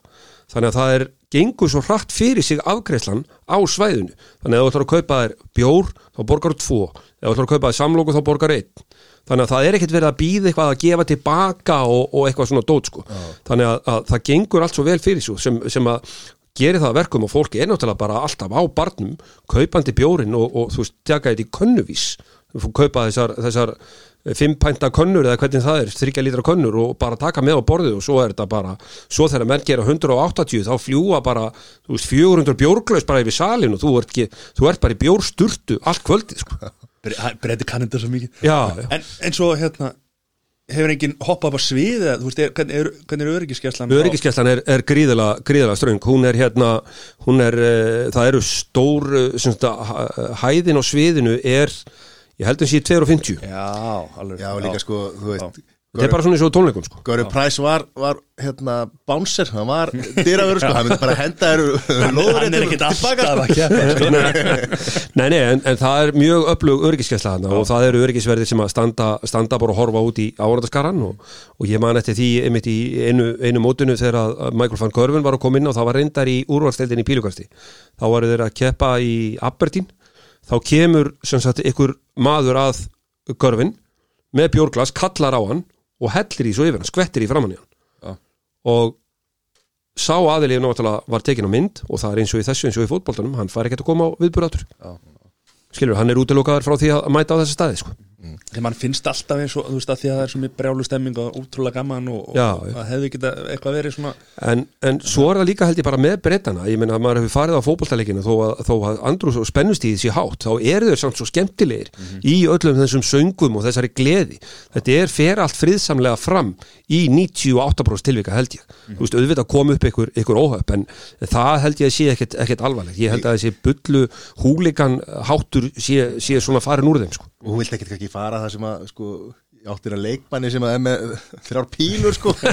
Og getur hitt í auga bara. En, en, þá spyr ég sko að því að, að því að nú ertu náttúrulega komin í gólfi líka. Og, og svona sko uh, sem, er, sem er mjög nákvæmi sport og að allar íþróttir séu eh, byggju, byggjast upp á einbyttingu og, og, og, og því öllu saman. Mm. uh, þessi munur að þegar það er verið að púta í gólfi það sem að það má engin anda má Já. engin snýta sér eða hnerra eða neitt Nei, og, og af því að þeir eru að púta þarna kúlu ofan í, í hólu mm. en svo ertu með menn sem að eru með eh, bara eitthvað lítið pínu eitthvað, eitthvað litla pílu að hitta á eitthvað, pínu lítið punkt á einhverju Já. spjaldi Já. þá eru allir syngjandi, öskrandi og stemning og, og, og þú veist, ég veit, þú ert ekki minni einbettingu þegar þú ert hérna að fara að kasta þessari pílu sko. Nei, ég hérna, einmitt, hérna, uh, sem sagt, uh, háaði, ég spurði að því þennan Dave Allen sem ég nefndi á hann, fjölmjölafullur á PTC. Þeir mældu einhvern tímann 110 decibela háaða inn í Alipalli þegar að leikar stóðu. Það er bara eins og að vera á rocktónleikum. Já.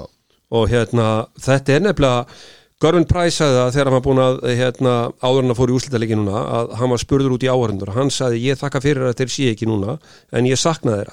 En það er náttúrulega því að Görvin Price er náttúrulega búin að vera svona dólgur í þessari íþróttu með, með leðinda attitude og, og hérna hefur fengið áhörundur upp á móti sér. En ég held að verða allt annað upp á tegningnum nú er hann búin að vinna titilinn. Nú verður hann kongurinn í höllinu og sagði það einhvern tímann í einhverju viðtali sko, eitt skipti eftir að eftir að hafa búin að láta eins og Bjáni eins og hann var að gera mm. þá fekk, var dóttir hans 10-12 ára hún var farin að fá vond skilabóð á internetinu út af hegðun hans. Já, það var 2018 já. Byrjaði hann þá bara ekki að reyna að snúa Jú. þessu við? Jú, það er nefnilega, uh, hann byrjaði nefnilega að gera það, hann, hann var mjög ósáttur við hvernig, hvernig hérna, fólk kom fram við hann, af því að hann taldi sér vera bara miklu, eiga miklu betra meira skilið, uh, hann þegar að tala við félagsfræðinga og sálfræðinga og þeir bara beinunum inn á það að fara að einbetta sér bara inn á við og einbetta sér að leiknum og, og vera bara svona auðmjúkur og, og koma bara betur fram og, og það bara skila sér, sem verður svo líka til þess að hann nær titlinu núna. En hvernig gæti hann, hann hann er búin að vera stutt í þessu. 2014 byrjar hann. Hann var í rúbí, ég man nú ekki hvað lið hann var í rúbíinu uh, örið sem er framan á ennin á honum. Það er svona stórt ör sem er frá bara á kollvikum og niður að, niður að auga eða augabrún. Að hérna, það gerðist eftir höfuðhögg sem hann fekk í, í rúbíinu 2014, sumari 2014 sem var til þess að hann var það hætta því að hann fekk það mikið höfuðhögg Já, og fer svo í píluna í framhaldinu. En sko hann hefði líka, hann hefði áður lent í, hérna þegar hann var að vinna sem dyrafurur sem hann var eitthvað að gera 2010 eða eitthvað Já, þá lendir hann í slagsmálum. slagsmálum. Já, það er flaska sem fer í andlita á Já, og það er örið sem er undir öðru auganu ég held að sé á hægri vanga. Það sögum að 42 spóra eða eitthvað. Það er, eftir, það er, það er þar líka sko. þannig að hann hefur nú lent í ímsu þessi drengur sko.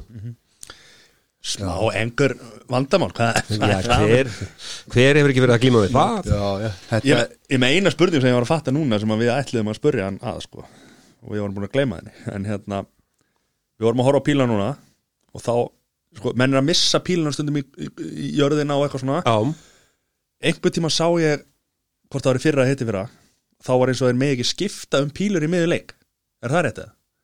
nei, það, Nei, þeir, mega, frábært, þeir, mega geggjað. alveg, þeir mega alveg gera það sko. Já, því að maður sér alltaf Já. þeir, Ei, þeir skilja alltaf pílunar eftir á borðinu Já. ef þeir fara í, í breyk sko Já, og veist, stundum verið byrjar að lappa og þurfa að fara eins og, eins og þeir þurfa að skilja pílunar eftir eins og þeir með ekki svissa í miðum leik nei, nei, það er ekkert það er engar, engar svoleiðis reglur í gangi sko. Já, ok. Þetta er náttúrulega sko uh, menn uh, Peter Wright, fráfærandi hinsmestari, hann hefur búin, að vera undanfærin, undanfærin tvö ár, búin að vera í vandræði með kastílin og er búin að fara í, í svona búa til- í ykkur aðra pílur, grenri og þingri og annað þess að og þeir hafa alveg verið að skipta um pílur í miðjum leikjum, það er ekkert, ekkert regluverk í kringu það. Nei, og það er ekkert regluverk um hérna þú mátt nota hvað þingt sem er Nei, það er hins vegar alveg á hreinu. Þú mátt, samt eru mismunandi þingtir eða ekki? Jú, það er sem sagt sko, pílan má ekki vera stittri en 20 cm frá 80 í endan á fjórunum. Skilur við, hún má ekki vera 18 cm eða þannig, það er, nei, hún má ekki vera fyrir ekki, hún má ekki vera lengri en 20 cm fyrir ekki hún má vera stittri, en hún má ekki vera lengri. Og þingdin á pílunum má ekki vera meir en 40 grum þannig að Ryan Searle sem var hérna með þingstu pílunar 32 grum hann, hann hefði ekki mátt fara mikið herra en, en það Já.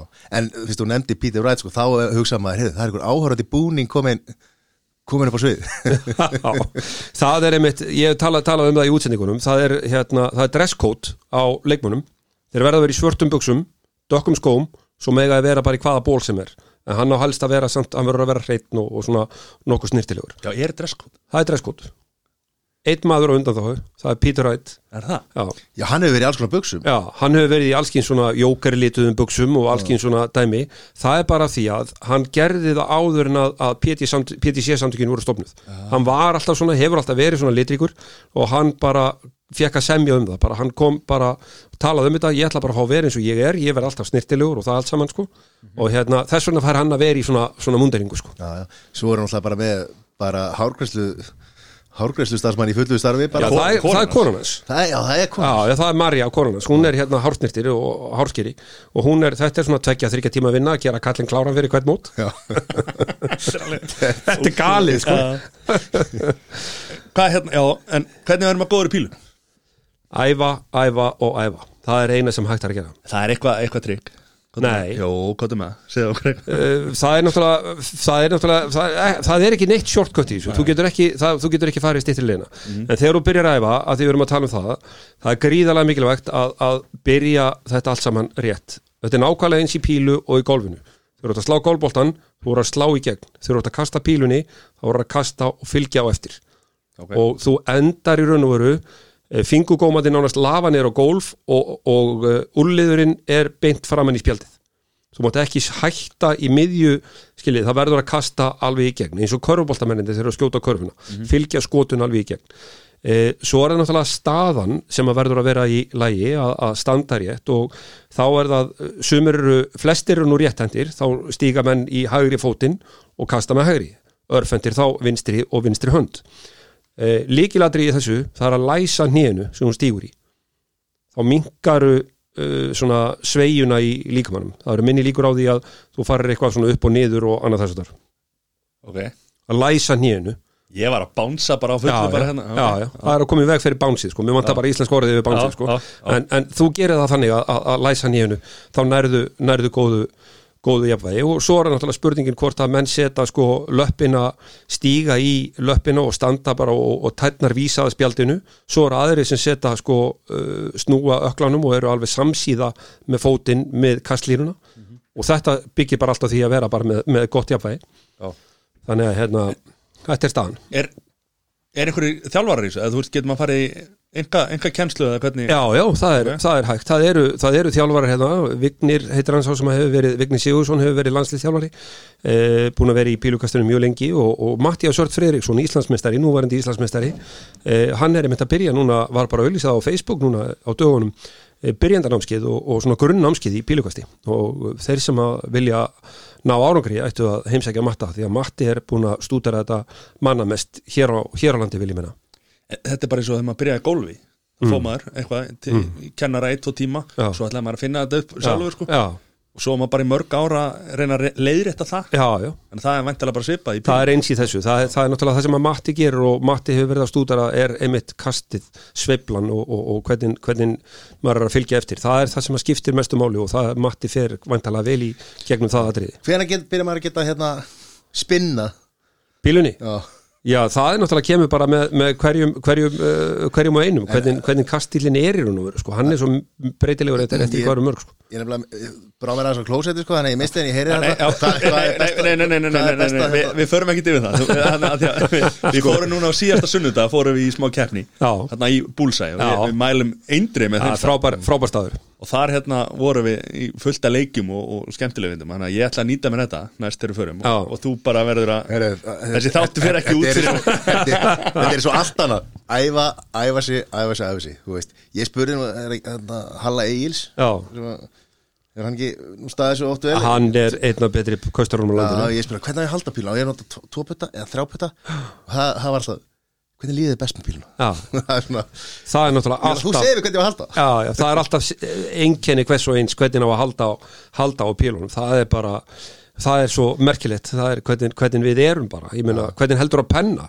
Hvernig ætlar að kenna manni að halda á penna? Hann tekur bara utan um pennan og heldur á honum eins og hann heldur á honum. Það er eins með pílunum Og gaman líka stúdera stílinn hjá hérna, mismunandi leikmönum Þetta hver var það, var hann ekki hérna komst í áttalega, hann- það var ekki hérna Chisnell Dave Chisnall sem að, sem að sko valla hreyði sig. Já, og það var svona, þú veist já, já, rosa sérstök já, já, þeir eru hreyfing. svo eru náttúrulega eru, eru margir sem kasta náttúrulega eins og séu bara skjótur velbissu það tekur enga stund að losa þessar þrjár pílur það hleypur á okkur sekundum svo eru náttúrulega menn eins og Mensjur Sjúljuvits sem er frá Östuríki, er, er Júkoslavi upplægi, hann er náttúrulega bara menn voru að gera grína honum eins og hann var í letidýrið eftir, eftir leikin gegn Gary Anderson það sem allt var brjálaða því að hann hagaði sér eins og Bjáni hægði svo mikið á leiknum sko. þannig að hérna, þetta er náttúrulega bara menn reyna allt í þessu En hvað hva hafa menn langan tíma til þess að kasta, veist, að gera? Sko, ég einmitt talaði við Halla Egils um þetta. Ég held að væri alveg til að regla um þetta. Það væri, e, ég hafði eitthvað tíman heyrt 6 mínútur, kastað þrejum bílum. Sex mínútur? Já. Það ekki, Jó, en það er, kemur til, þú hefur 6 mínútur ef að eitthvað kemur fyrir búnaðin hjá þér. Ef að leggur brotnar eða fjöður brotnar eða eitthvað, þá hefur þú 6 mínútur til þess að lagfæra búnaðin. um, en e, það er engin tímarami á pílukastunum sjálfu, það er að segja hvað tekur langan tíma, hvað mátt hafa langan tíma í að kasta þremmu pílum. Þetta er einhvern veginn bara, hefur einhvern veginn myndast bara svona. Og ég held, ég googlaði mig og, og, og leitaði í öll gögg sem ég fann á netinu en, en það kom hvergi fram hvað tíminn má vera langur. Af því að það er ekki oft sem að, þó það gerir stundum, það er ekki oft sem að menn, þú veist, eru komnir að og, og stíga frá.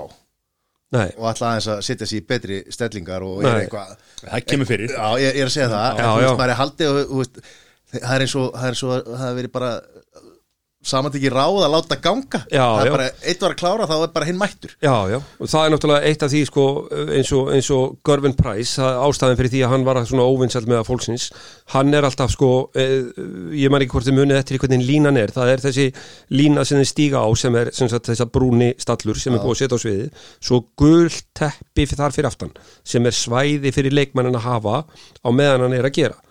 Og Görvin Price, hann stendur alltaf á línunni gulu. Þegar anstæðingurinn er að kasta hann, hann hreinlega andar onni í hálsmálið.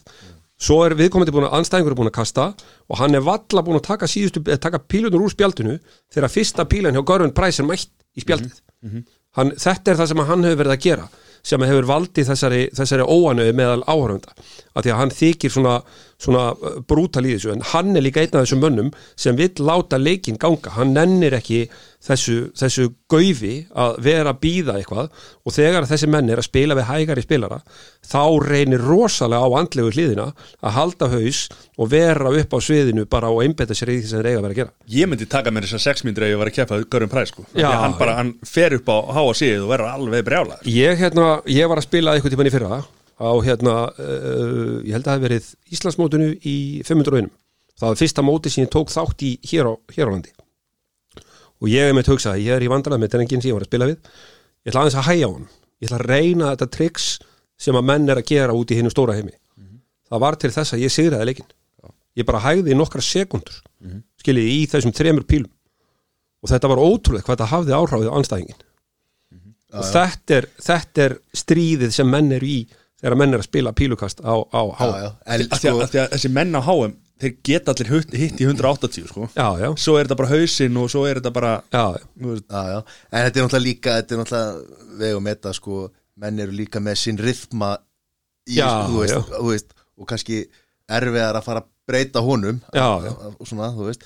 En er, sko, þú segir að þú veist, ef þú verður að keppa í Görum Præs Já. þú myndir ekki vilja reyta hana maður, þú veist hvernig það lítur út, sko. Ég meina bara, já ég meina það verður upp óþökkur hann. kristir úr þér lífturinn í orðsins fylstu merkingu. Það er farið úr ofan, hvað er það að. Já, En svo er það annað að því við erum að tala um þessa rútínu þú vorst að tala um rútínunni hjá mönnunum sem er svo aðteglisvert hjá, hjá Görvin Price að því við vorum að ræða hvernig menn halda á pílunum og annað hann heldur mjög löst á henni heldur með, með tveimur fingurum eða þremur fingurum og kastar og hann missir oft eina pílu á gólfið þegar hann er á línunni. Og það skiptir einhver máli fyrir hann þó hann þurfa að fara og sækja pílunni í, í gólfið kastar hann í spjaldið. Þetta er yfirleitt 60 að því þetta er bara vöðvaminnið og æfingin er orðin svo mikil að þeir bara einhvern veginn, það er eins og þeir séu bara í einhverju, einhverju steipumótið eitthvað sem að hendin fer í og bara, þetta ratar bara rétt að leið þannig að hérna, þetta er magnað að sjá það þegar, þegar Svo er menn fyrst, það sem mér finnst eiginlega magnast Fyrst er það hérna Hvað er þetta lýsandinn sem að segir hérna, hann er búin að reikna þetta út áður en að síðasta pílan er komin í Já, já, kallarinn, dómarinn. Já, dómari, er, er þetta dómari? Já, þetta er dómari, hann er dómari sem og er kallari já, já. það 180 Já, já, þetta, eru, þetta eru miklir snillingar og, og þessi með þykku röddina The Voice, hann er kallað röddin hann er, hann, hann, Na- nafnið þinn? Nafni minn, já, já, mjög, mjög ég hitt hann einmitt þegar ég fór í O2 höllina þarna í- um árið.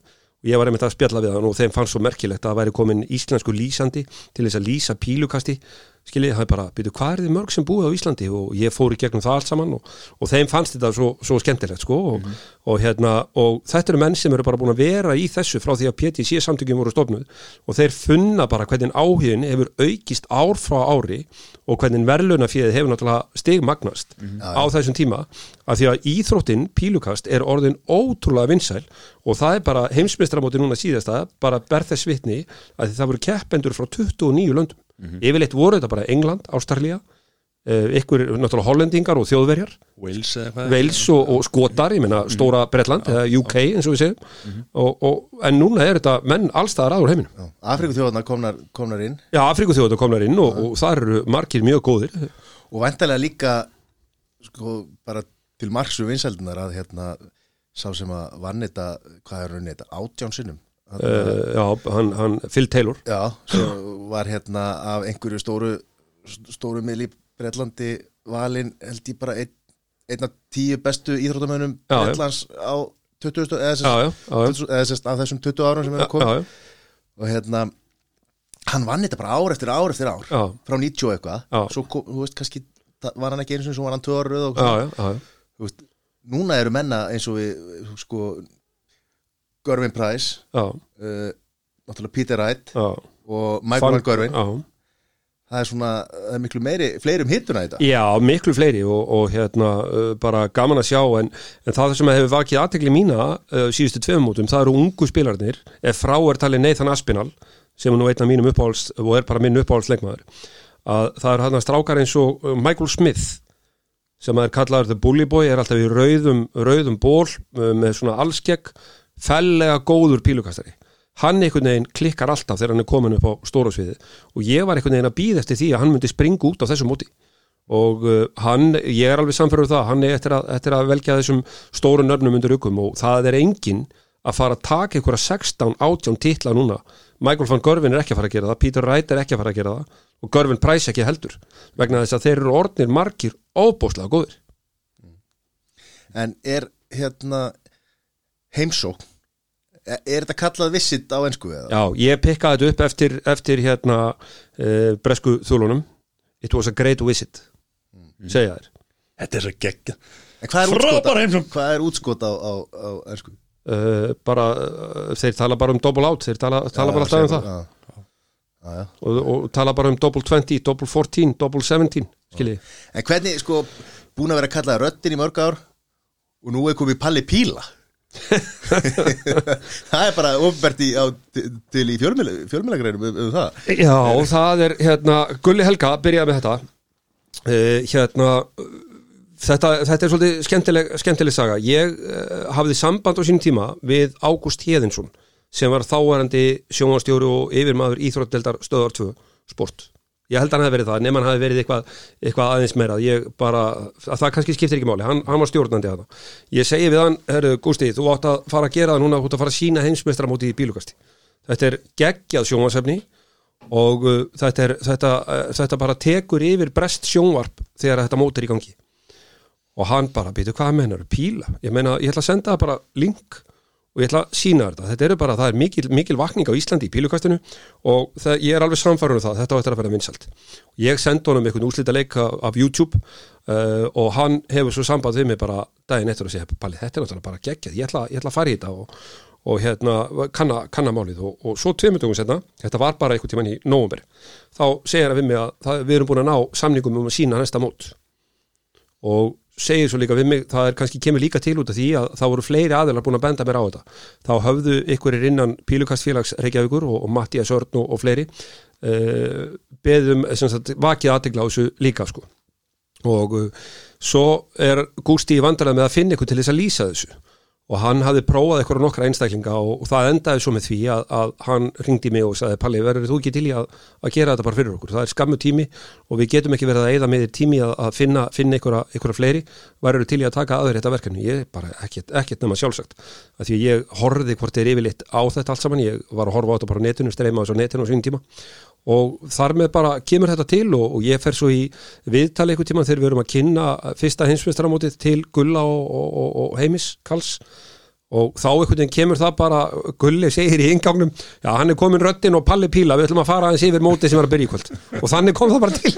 En það er líka bara gaman. Ég, einmitt að því við vorum að tala um mína föllun á íþróttusviðinu að því ég hætti ungur að stunda íþróttir.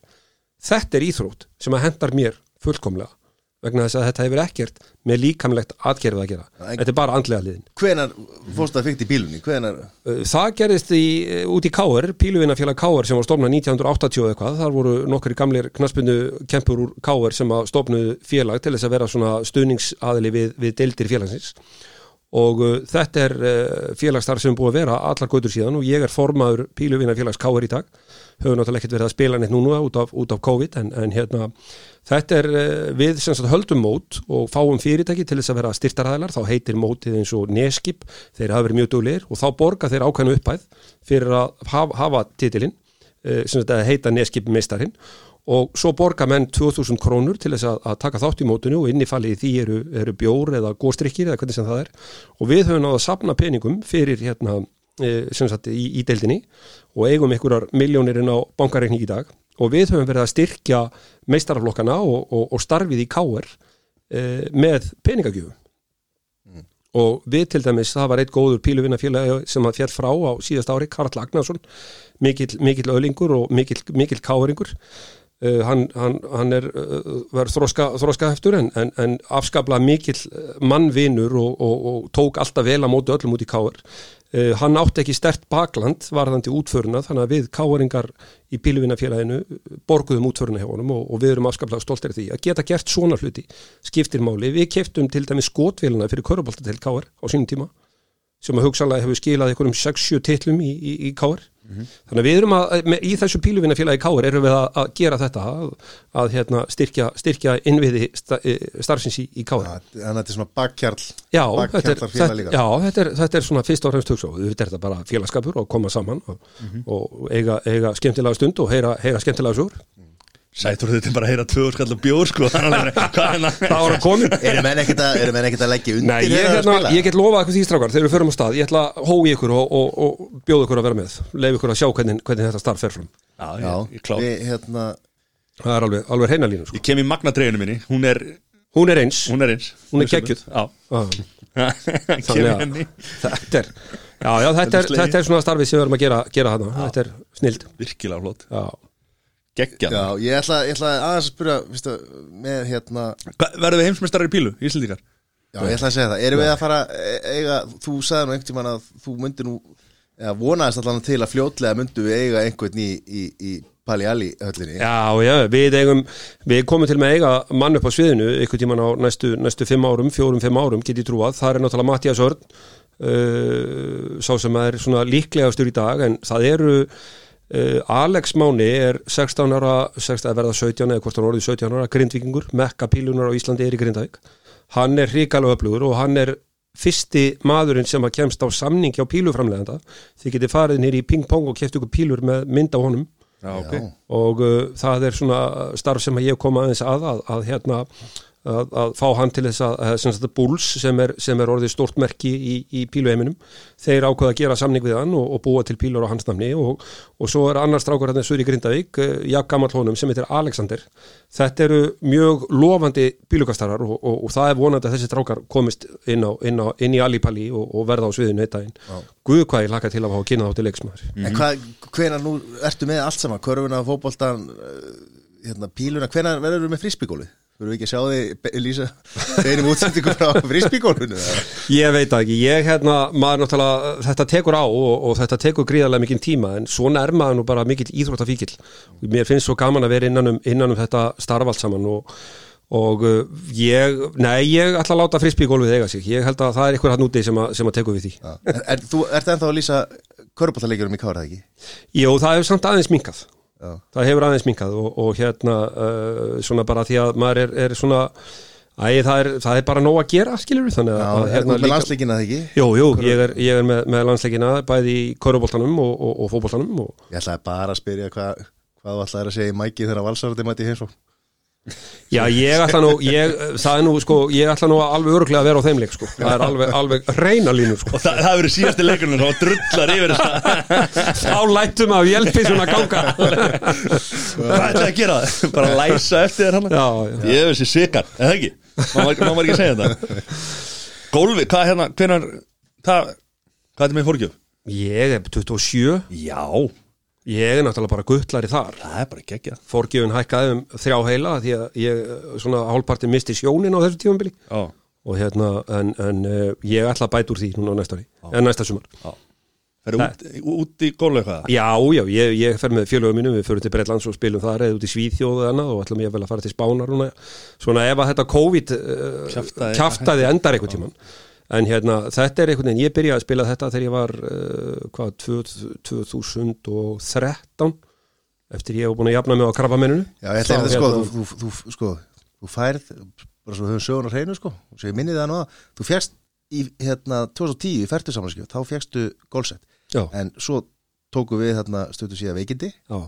Og, og hérna og náðu kannski ekki að sinna því. En að koma sterkur inn núna aftur? Já, ég hérna sem betur fyrir var útskrifaður frá ristilkrabbamenninu 2017 hreitn og, og allt í góðu og, og hérna uh, þakka Var, var, bara það- var það frá 2000 2012 greinist ég. Til 2005 ár bara hann þetta er fimm ára, fimm ára prósess að að fara í gegnum, gegnum þetta og, og hérna uh, svona það, maður rifjast upp þegar maður hugsaði tilbaka að ég var í uh, jarðaförunni hjá Sigursteini Gíslasinni þá hérna var ég að tveimur dögum setna var ég að fara til lagnis vitand af því að ég væri með karpum minn Já.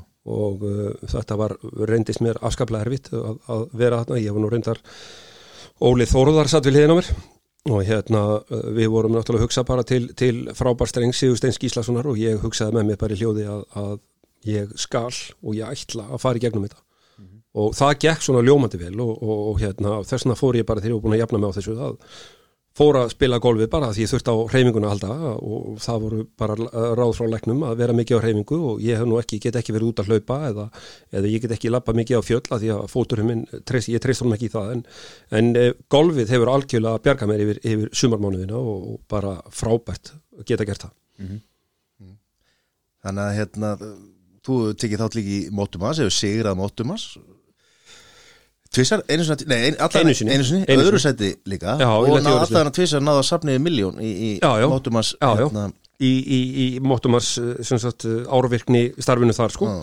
og hérna held þegar ég sigraði safnaði mest sem einstaklingur í Móttumars þá held ég árgangaball fyrir, fyrir nefndur í Hagaskóla og fekk vinn minn Pál Óskar til þess að vera með ball og, og þá voru við bara að gera þetta svona, bjóði þetta bara til og svo vantaði mér mann í miðasöluna þá talaði ég bara við Finn Stefáns, Finnur sem allt vinnur og hann sá að miðasöluna fyrir mig. Þannig að það hjálpuðist allir að þar. Þannig að þetta var alveg, alveg frábært og, og, og söfnuðist þetta um, um uh, hvað, 1200.000 sem var unnið til krafminsfélagsins og, og, og það var frábært. Sér alveg þú vinnur þú, þú, þú, allt svona hvað segir maður, íþróttafélög þessi, þessi félög, sa- safnanir Mhm. þetta leikur við þig Já, þetta gerir það. Ég er mikið félagsmála frík og, og hérna þetta, þetta hefur tekið alveg rosalega, rosalega mikinn tíma. En mér finnst þetta líka, þetta er bara manngefandi, þetta þetta er gaman að kynnast öllu þessu fólki. Nú þekki ég mjög marga í, sem, að, sem ég kynst í, í gegnum, gegnum þetta starf og uh, þetta bara skipti með máli og, og ég, eins og ég segi, ég tók ungur ákvörðum þar sem ég gæti ekki verið liðtekur liðsmaður í, í kappleikjum sjálfur, þá ákvaði ég bara ungur að, að fara í þetta starfi. Ég hef verið í stjórn Köruboltdeldar KR og svo hef ég bara verið í þessu sjálfbúðulega starfi þar og, og mér finnst þetta bara gaman hitta, hitta fólkið og, og, og, og vera, vera einn, af, einn af þessu batteríi sko. greinlega mikill liðsmaður sko, bara til þess að það sé koma að reyna Íþróttafélögur er náttúrulega rekin af óeingjöndum starfi uh, fólk sem að, sem að sér um þetta allt saman. Já, algjörlega og, og ég hérna, sá það mitt eitthvað tíma núna fyrir stuttu síðan að gróta út á Seldanesi var að velja sjálfbóðaliða ársins í hverju deild fyrir sig og þar fengu fólk svona einhver viðkenningaplata og það ættu öll félög að taka sér þetta til fyrirmyndar að, að veluna sjálfbóðaliðana því að, að ef að sjálfbóðaliðin væri ekki til staðar þá væri held ég björgunarsveitirnar og, og, og fleiri félagsamtök í slæmum málum. Þyrti bara einn, einn hann í KR sko, hann er með píluna, hann er með handbólta, nei það er körbólta, hann er með fótbólta Já, já, já, já, nei, nei, mér finnst þetta rosalega gaman og, og gefandi. Svo er þetta markastjórið ekki hjá Já, ég er, ég er að vinna hjá Tandur, jú, ég sé um ákveði verkefni þar sem er rafrænt gæðaskarningakerfi, það þurfa allir veitingastæðir og, og matvinnslu fyrirtæki að vera með, vera með slíkt og, og það er svona starfa ásamt því að vera, vera sölumadur og, og já, búin að starfa þar í tíu ár, þannig að já, já, ég er í svona hlutum þar líka. heldur betur nóg að gera 2020 þar sko. Já, þetta er, það er 2020 var risa ár í, í sögu Tandurs og, og hérna hefur gengið bara rosalega vel og, og þetta er líka bara persónulegt hreinlæti er, er bara komið til að vera. Ég held að sótrensinspritti fari ekki að borðunum nær yfir strax, sko. Nei. Eða hand sótrensinsprittið, sko. Besta sápar, við erum með Erum við ekki með sápu og, og bref frá tandur? Jú, jú. Þetta er alltaf á hreinu hér, sko. okkar, okkar steppi félagi minn hann er hann Já, já, hann er, hann er nýkomin inn í, inn í þetta hjá okkur og, og alveg frábælismöður, frábælismöður. Heyrðu, svona uh, rétt í loki, viltu spá viltu spá hvar spá gengi káir í körfunni í vettur og svona loka spurning er Liverpool bóla sprungin? wow. Liverpool-bólan er ekki spengið, ég get lofaðir því, það er nóg eftir, nóg eftir þar. E, En Þið þurfa að fara að finna einhvern nýjan þjálfara. Klopp er búinn, eða ekki? klopp átt, erum við komnið þangað? Nei, nei, ég, hérna, hún er ekki, ekki búin og þetta er náttúrulega, það lend allir í einhverjum svona smá dífum en ég held að menn vinni sér út úr því en, en ekki það, það er gaman að sjá bara hvað deildin er, enski boltin er, er miklu jafnari núna. Já. og, og hérna, ég samglæðist alveg United mönnum. Já, já, við erum báði júnandi með sko, við erum í smá þóruðagleði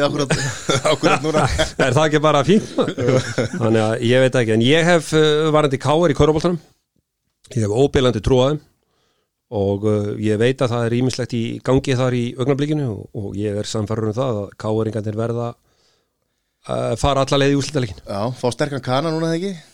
Jú, mér skilst að uh, það sé, þeir eru náttúrulega með þennan uh, Tyler Sabin sem að, sem að koma hann núna í, í haust og uh, mér skilst að sé verið að uh, tala við einhvern í Ítala núna sem er stór og stæðilegur 208 Já þetta er eitthvað sögur sem ég heyrði, heyrði í dag en, en ég, uh, Já, ég þóra ekkert að fullir í því, þetta eru, þetta eru leigubílasögurnar í dag allavega. Já, já. Góða leigubíl sem er gulli betri. Það er bara svo leiðis og við, við hérna náttúrulega bara mitt eigi mat sko. Þessir bestu lýsindur á landinu sko. Gummi Ben Tómas Þór Þorvarsson uh, Pétur Marino Pétur Marno í því. Svo að sjálfsögðu Svali fyrir koruna. Já, og svo er þú með píluna. Já, takk fyrir það. Þetta er, þetta er hérna þetta er, þetta er bara svo þetta er bara svo skemmtileg íþrótt. Þetta er, það hafa allir gaman að þessu og þetta er svo mikil keppni og það er svo mikil undir. Og þetta er bara spennustíð er bara svo hátt. Og þess vegna er svo gaman að koma þessu frá sér með þessum hætti sem ég hef verið að gera það. Og þetta vissi maður ekki fyrir nokkrum ára síðan að því að maður byrjaði nú aðeins kannski fyrir og hitti fyrir að, að þú veist, maður hefði ekki dott í hug eitthvað að fara að horfa píl og og maður hefði þú veist, gaman að því. Svo bara koma þessar útsendingar á stöð 2 og, og svo náttúrulega hérna, herri, ég glemdi náttúrulega að minna hérna sem að, sem að frálsýþróttar hérna, Já, Sem hann, að- í sér frálsíðaráttunum? Sigurbjörn, já, já, Hann já. náttúrulega- hann er náttúrulega algjör snillingur sko. og koma þessar hérna útsendingar og núna sko við höfum verið að tala um að fara út og, og hérna, þú veist, við vorum að róta okkur saman og horfa, horfa saman á píluna og Já, ég, En sko, þetta mamma, mamma horfði núna sko. er Já, gaman að því Já, að því að líka það, það, er, það er auðvelt að útskýra þetta Já, þetta er svo einfalt það er, þetta er, þetta er eins flóki og þetta er já, já.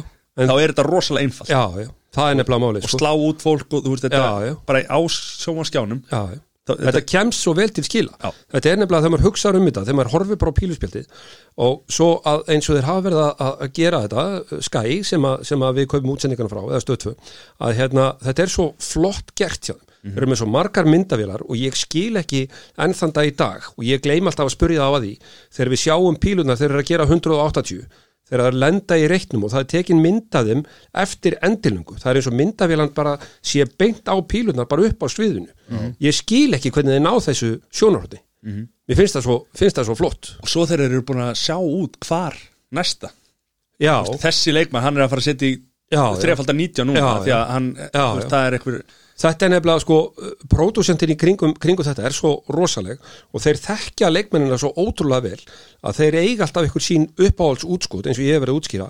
En þeir eru samt svo ótrúlega fljótir að klippa á þegar að leikmæður er búin að vera að kasta tveimum pílum í 20 svo allt í henni skipti myndin á, á niður á neðri hluta spjálsins og þá kemur pílan þar. Þetta er einhvern veginn þetta er ótrúlega vel gert hjá þeim og það er náttúrulega hjálpar til að gera þetta svona vinsalt og það er engin vafaðri þú Nei. deilir ekki dómar Nei, nei. það, það er bara það er bara, þetta er þetta er eins og er. Já, já. og það var engin dómari sem að sem að hafi ekkert tekið eitthvað að þau sko. Nei, nei, það er nefnilega málið sko.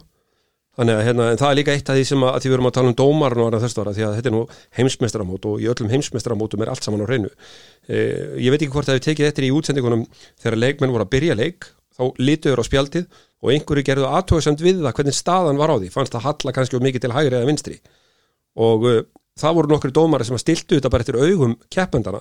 En það er til hallamál fyrir píluspjald. Já, ok.